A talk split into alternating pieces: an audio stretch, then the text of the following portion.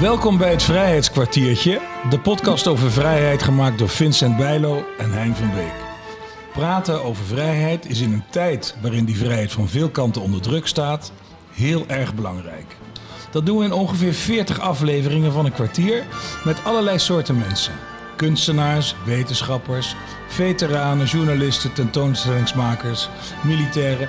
Allemaal vertellen ze verhalen van vrijheid om ze door te geven en het belang ervan onder de aandacht te brengen.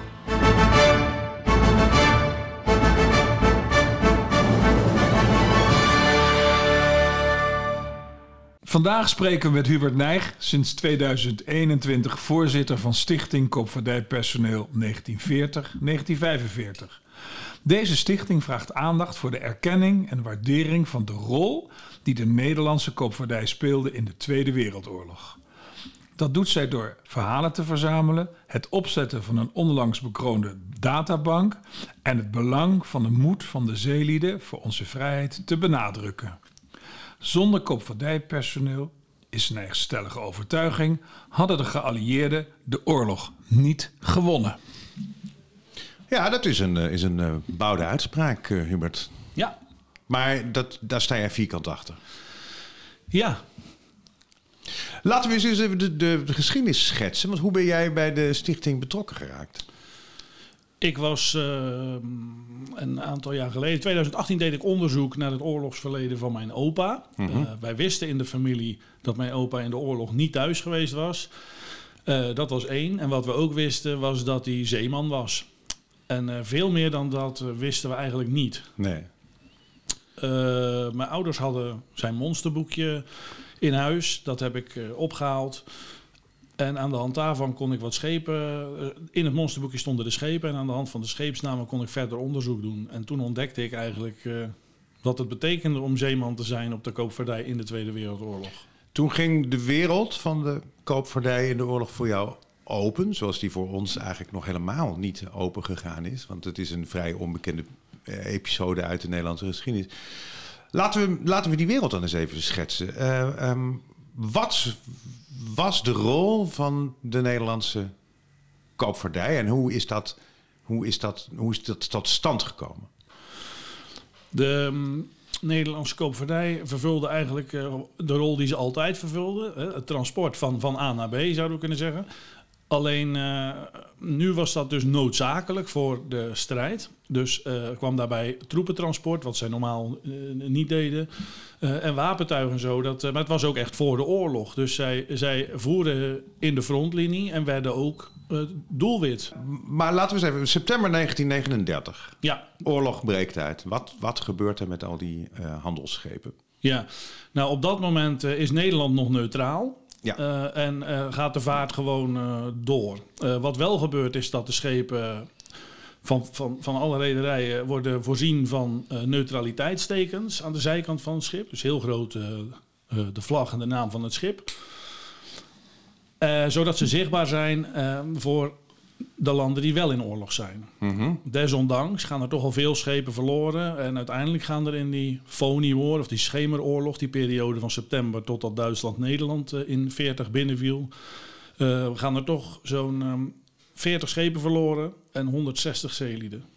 Omdat ze gewoon door vuur van beide kanten geraakt worden? Ja, of, of op mijn voeren, ja. Of, uh, ja, of toch aangevallen werden. Ja. ja. Oké, okay, en dan wordt het 10 mei. Dan 40? Het, ja, en dan uh, is een groot deel van de Nederlandse vloot uh, buiten gaats, mm -hmm. op zee. En uh, die krijgen... Kun je een aantal schepen noemen? Nee, ik weet dat niet uit mijn hoofd. Nee, oké. Okay. Maar, dus, ja? maar dat, een, een, een heel groot deel van de vloot is buiten gaats. En die krijgen dan eigenlijk direct orders om richting een neutrale of geallieerde haven te varen. En daar te wachten op verdere berichtgeving. Een klein deel is nog in de Nederlandse havens. En sommige daarvan proberen te vluchten. Dat lukt ze lang niet allemaal. Er zijn wel een aantal schepen die dat uh, lukt. Mm -hmm. Als dan uh, Nederland uiteindelijk ook um, capituleert. En ja. um, lopende de, de, de, eerste maanden van de oorlog kondigt de Nederlandse regering in ballingschap vanuit Londen dus een um, vaarplicht af. En dat hield in dat de zeelieden eigenlijk niet meer naar huis konden. Moesten blijven varen op straffen van geloof maximaal vier jaar gevangenisstraf of 10.000 euro, sorry, 10.000 gulden boete. Wat daarbij hielp was dat er een, een, een, net een delegatie van, van de koopvaardijkoepel, zou ik maar zeggen, in Engeland was. Ja, klopt. Die hebben daar uh, de, uh, de shipping, uh, in de volksmond de shipping, opgericht. En zij, zij gingen die vloot dus aansturen en organiseren. de zorgden voor de bemanning en zo. En, en, dat de schepen bemand werden, dat deden zij. Nou, mijn opa voer voor de Rotterdamse Lloyd. En um, die uh, was van de visserij afgekomen eind 39. Uh, hij voer op een visserschip en is in februari, ik denk vanwege de gebrekkige werkgelegenheid, uh, op de koopvaardij geraakt. Ja, ja. En vanuit Rotterdam in februari vertrokken met de Situbondo richting Indonesië. En toen hij in Indonesië was, brak in Nederland de oorlog uit. Ja. Nou, de dag uh, voordat dat gebeurde, voetbalde de bemanning van de Dempo nog met uh, Duitse zeelieden van de Hapag, de Hamburg-Amerika-lijn. En uh, op de dag dat in Nederland de oorlog uitbreekt, werden die Duitse bemanningsleden van hun schepen van hun bed gelicht, gearresteerd. En die schepen werden voor met Nederlandse zeelieden bemand. Ja, zoals de Duitsers dat ook in, in Rotterdam en Nederlandse havens deden met Nederlandse schepen. Duitsers werden allemaal gearresteerd. Daar, daar, gaan we straks over praten. Want er, zijn uh, over de interneringskampen die in, uh, in Indonesië waren voor Duitsers. Het Sein Berlijn heette dat. Uh, dat op 10 mei werd gegeven. Weten we nog wie die wedstrijd gewonnen heeft op 9 mei? Nee, ik heb geen idee. Nee. Ik heb wel een foto van um, de spelers. En daar zat mijn opa niet bij. Dus die, of, hij, of die van voetbal hield, weet ik niet. Want ik heb hem niet gekend. Nou, misschien zat hij op de bank, reserve. Zou kunnen. Dat hij ja, zou kunnen. En wat was zijn, werd, wat werd zijn route toen? Um, nou, in het begin van die oorlogsjaren waren er voornamelijk nog wat kustreizen. En op een gegeven moment uh, liepen die spanningen op. Gingen ze ook wat vaker richting Amerika. Het gouvernementsgoud moest vervoerd worden naar uh, Amerika. En in, ik heb in een boek Dempo en, en Baluran van Nico Guns wel gelezen dat dat ja, op zich een heel spektakel was. Want in Indonesië ging dat, uh, liepen die mensen met, uh, met de goudstaven op hun rug zo de loopplank af uh, aan boord zonder al te veel poespas. En in Amerika ging dat natuurlijk met enorme beveiligingsmaatregelen Ja, en ja, ja, heel veel agenten om te bewaken. Ja. Terwijl ze onderweg dus gewoon op dat goud gezeten hadden, zeg maar, aan boord. Ja. Nou ja, het Ehm, kon er niet af. Nee, nee, dat kon er ook niet nee. En dus eh, zijn ze die... eh, ja, dat was een beetje de eerste jaar. Maar toen in 41, toen eh, werd er al gauw duidelijk dat het een hachelijke strijd was op die zee. En dat er ook echt gericht jacht gemaakt werd op de handelsvloot. Want, nou, eenvoudig gezegd... Als je een, een konvooi tot zinken brengt, dan voorkomt dat een hele hoop gedoe aan land natuurlijk. Als je een tanker laat zinken met allemaal brandstof, dan kunnen er heel veel eh, oorlogsvoertuigen aan land niet rijden. Werden die koopvaardijschepen toen bewapend? Ja, maar minimaal en met oud materiaal uit de Eerste Wereldoorlog. Veel zeelieden kregen dan ook een kanoniersopleiding in Engeland van een paar dagen of een schuttersopleiding. En bij mijn opa aan boord op de Dempo werden 30 Britse gunners eh, gestationeerd. Zeg maar. Ah, ja, Eh, ja. Dus die, eh, die bedienden dan het wapentuig. Maar ze waren relatief weerloos ook tegen vliegtuigen. Dus. Ja, dat klopt. Uiteindelijk is bij operatie Toors de bevrijding van Noord-Afrika, waar het schip van mijn opa de Dempo samen met onder andere de Marnix van Sint-Aldegonde ehm, in de eerste aanvalslinie voeren, eh, zijn ze ook vreselijk zwaar onder vuur genomen. Maar hij heeft het overleefd, hè? Ja, mijn opa heeft het overleefd. En, eh, Maar 4000 is het schip vergaan waar die op zat? Ja, het schip, de Dempo, is op 17 maart 44. eh, ze hadden net eh, troepen afgezet in Italië, aan de Italiaanse kust. En ze waren op de terugweg, het was gewoon helder weer. En nou ja, in de loop van de ochtend hoorden ze een enorme explosie. En dat was het schip eh, de Maiden Creek, een Amerikaans schip wat bij hun in het konvooi voer, werd getorpedeerd. En eigenlijk toen ze, ja, toen ze daarna stonden te kijken, zag de kapitein eh, de bellenbaan van de volgende torpedo komen richting hun schip. En die gaf nog eh, orders hard stuurboord, maar dat mocht niet meer baten. Het schip is geraakt. En hij probeerde, de kapitein probeerde het schip nog op de kust, op een zandbank, of richting de kust te varen om hem op een zandbank te zetten. Dat is uiteindelijk niet gelukt. En toen is het schip eh, verloren gegaan. Maar gelukkig zijn alle 333 opvarenden eh, goed aan land gekomen. Hoe, hoe ken jij dit specifieke verhaal eigenlijk? Ehm, nou, aan de hand van dat monsterboekje van mijn opa wist ik dus op welke schepen die gevaar had. En toen ben ik die, eh, die schepen op gaan zoeken op internet en in archieven. Heb ik gezocht naar wat er over te vinden was. En, en, Heb je het er ook wel eens met hem over gehad eigenlijk? ik heb mijn opa niet gekend. Hij Oh. is eh, tien jaar voordat ik geboren ben eh, overleden. Oh ja, ja, ja. maar circuleerde er in, in jouw familie verhalen daarover? Of werd het... Nauwelijks. Nauwelijks. Zij wisten eigenlijk eh, niet zo goed. als ik het wel eens vroeg aan mijn vader, zei hij: ja, ja, hij zei ik, wat, wat, wat, waar was opa dan in de oorlog? Ja, ja, die zat geloof ik in Engeland of op zee. En dat was eigenlijk alles wat hij wist. Maar opa sprak er ook niet over. Dat, dat, dat komt natuurlijk bij heel veel mensen voor die die oorlog mee hebben gemaakt. Maar ook bij ons. Maar dat komt natuurlijk ook waarschijnlijk wel doordat ze toen ze terugkwamen in 45 eh, meteen weer weggingen. Ja, dat klopt. Ehm, de vaarplicht waar we het eerder over hadden, die duurde tot een half jaar na de oorlog. Eh, en dat betekent, eh, en dan rekenen we niet vanaf mei, maar op 2 september tekende de Japanners de capitulatie aan boord van de Missouri. En eh, vanaf dat moment gaat dat half jaar in. Eh, dus dat betekent dat de vaarplicht pas op 2 maart 1946 ophield. Toen, toen was eigenlijk voor de bemanning van de koopvaardij de oorlog echt eh, voorbij. Ehm, eind 45, toen Nederland wel bevrijd was, gold er wel een soort verplicht verlof voor die zeelieden. Voor zover dat mogelijk was. En kwam mijn opa dus half september thuis in Rotterdam. Nou, toen is hij naar huis gegaan. En ja, omdat de vaarplicht nog gold, moest hij een paar weken later moest hij weer naar zee. Ja. Dus het was ook niet mogelijk om die, om, die, om die verhalen eigenlijk door te geven. Maar dat doen jullie nu. Want dat, jullie, jullie, jullie missie is eigenlijk om deze verhalen eh, levend te houden. Ja, nou, onze stichting is opgericht door de koopvaardij-veteranen zelf. Dat was toen eh, het idee om, een, om, eh, zeg maar, om steeds een, een reunie te organiseren. Toen heette het ook nog Comité Reunie Koopvaardijpersoneel.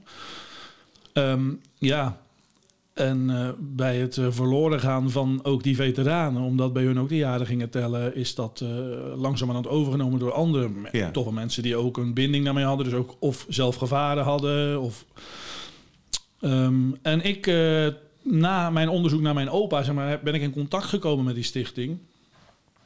En vroegen ze me al vrij snel, zou je bij ons in het bestuur willen? En dat heb ik gedaan, daar heb ik geen spijt van. En ehm, ja, kort daarna, nou niet lang daarna eh, stapte de, eh, de voorzitter, nam afscheid. Die had eh, bijna 19 jaar in het bestuur gezeten en dat was wel welletjes. En die vroeg of ik dat eh, van haar over wilde nemen. Ja, Dat heb ik precies. graag gedaan. Ja. En, en prinses Margriet is jullie, is jullie beschermvrouw. Nee, prinses Margriet is petekind van de koopvaardij. Peterkind van de Ja, koopvaardij. Ja. Die, dat hebben haar ouders bij haar geboorte zo besloten. Ja. Dat, en zij heeft in 1958 dat fantastische monument, 45 meter hoog is het, de Boeg, geopend. ja, dat klopt. En heb je, hebben jullie ook contact met de prinses nog? Nou, zij heeft onze databank eh, gelanceerd op 4 mei in Rotterdam bij de Boeg. Waar dus al die zeelieden in genoemd worden. Eh, Ja, dat moet je verder leggen, want daar hebben jullie een, een, een award voor gekregen. ja, fantastisch. Ja.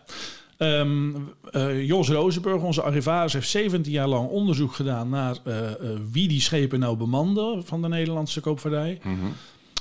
En ehm, dat hebben wij in een databank gegoten. En, met een, en via onze nieuwe website kunnen mensen in die databank gratis en voor niets informatie vinden over familieleden die in de oorlog gevaren hebben. Dus daar zijn bemanningen in te vinden. Mensen die omgekomen zijn in de oorlog, maar ook die het overleefd hebben. En de schepen waarop zij gevaren hebben, plus de verhalen van die schepen, eventuele onderscheidingen. En ehm, de belangrijkste gebeurtenissen. Dus in het geval van mijn opa, bij die dempo, staat mijn opa erin. Alle andere eh, 300 bemanningsleden. Ja.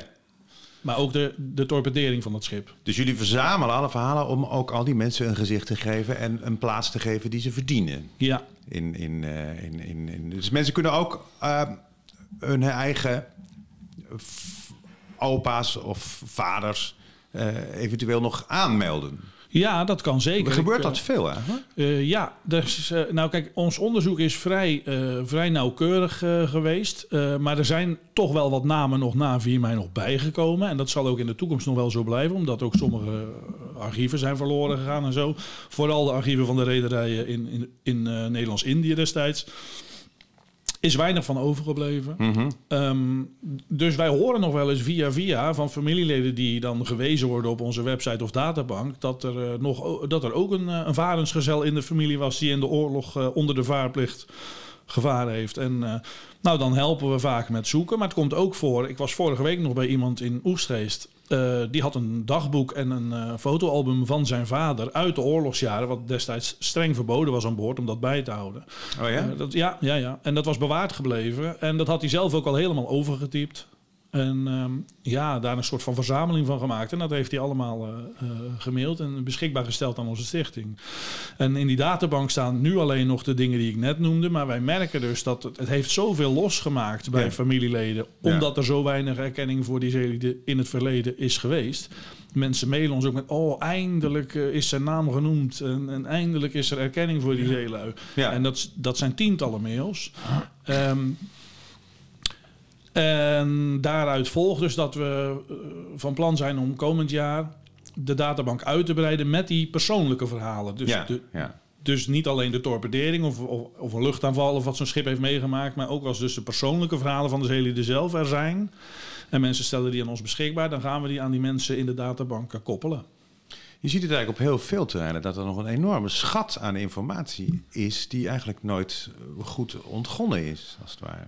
Ja, dat klopt. Nou, ik, ik heb, uh, kijk, ik ben normaal gewoon uh, vijf dagen in de week aan het werk, zeg maar. Dus uh, ik, ik, dit jaar heb ik me echt speciaal ingezet om zoveel mogelijk voor die stichting te doen. Ja. Juist omdat we die databank lanceren. Dus ook alle mogelijke kansen die er waren om dit onder de aandacht te brengen, heb ik aangepakt. Die sinaasappel wilde ik volledig uitpersen. En daar, daar is als gevolg ook heel veel um, gehoor aangegeven door mensen van oh op zolder lag nog dit of ik vond uh, in de kast nog dat. En dat is on, onvoorstelbaar hoeveel materiaal dat nog uh, is van dat onbekende is... verhalen. Heb je eigenlijk een idee om hoeveel uh, mensen het zeelieden het totaal gegaan is? Hoeveel mensen bemanden die koopvaardij in de oorlog? Ja, voor de Nederlandse koopvaardij geldt dat dat ruim 32.000 zeelieden geweest zijn, waarvan ongeveer 18.500 Nederlandse zeelieden en nog 12.000 buitenlandse zeelieden. En hoeveel daarvan heeft de oorlog overleefd? Uh, wij hebben nu ruim 4100 slachtoffers in onze databank staan. Mm -hmm. Dus uh, ja, zeg maar een, uh, zeven, ruim 27.000 uh, hebben het dan kennelijk overleefd. Maar wij twijfelen nog aan dat getal, omdat um, er mogelijk nog, uh, ook, ook nog namen bij... Kijk, bij sommige rederijen waar um, mensen niet in vaste dienst, zeg maar. Die zijn een, een soort, ja, hoe noem je dat? Um, ja, die, dat, die zijn dus niet te traceren, niet goed. Ja, dat is eigenlijk uh, ja. het eind van wat ik daarover zeggen wilde. Ja, dat, uh, dat ja. ze, en, en, en daar kan je dus nog achter komen dat iemand uh, aan, de, aan de vloot toebehoorde, zeg maar, en ook is omgekomen. En dan kan dat nog stijgen, dat aantal. Ik zet uiteraard jullie, jullie site in de show notes, zodat mensen daar ook zich kunnen aanmelden. Maar jouw stelling dat, dat, dat die. Um, oorlog nooit gewonnen zou zijn door de geallieerden als de koopvaardij er niet was geweest. Ja, 80% van de schepen die aan die day meededen was koopvaardij, heb ik ergens gelezen. Ja, dat klopt. Ja.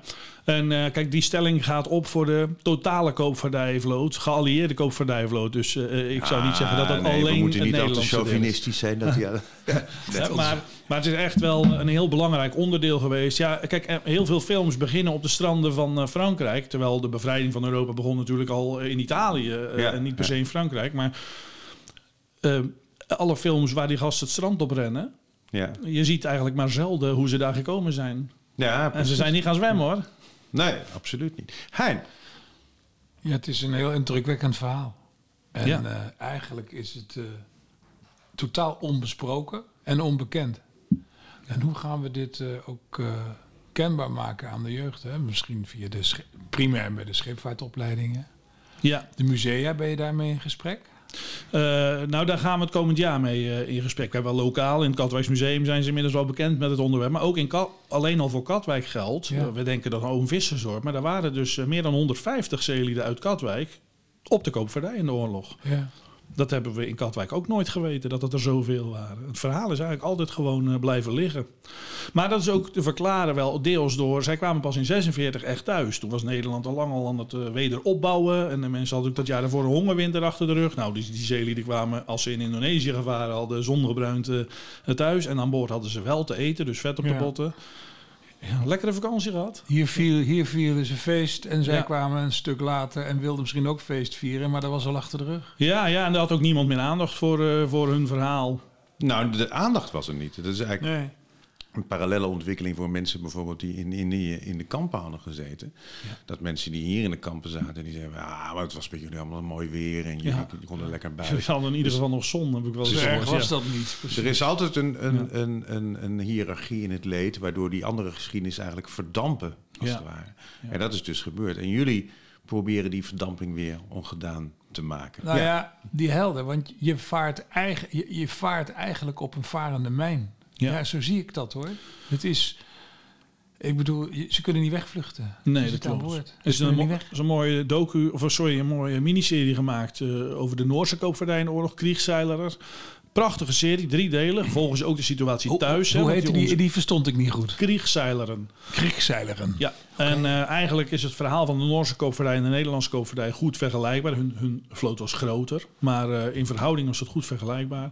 Die geeft in drie afleveringen een eh, prachtig beeld van, eh, of een ind- indrukwekkend beeld van hoe dat aan boord was, maar ook voor de gezinnen thuis. Want e- een van die twee zeelieden die in dat verhaal gevolgd wordt, had ook vrouw en kinderen.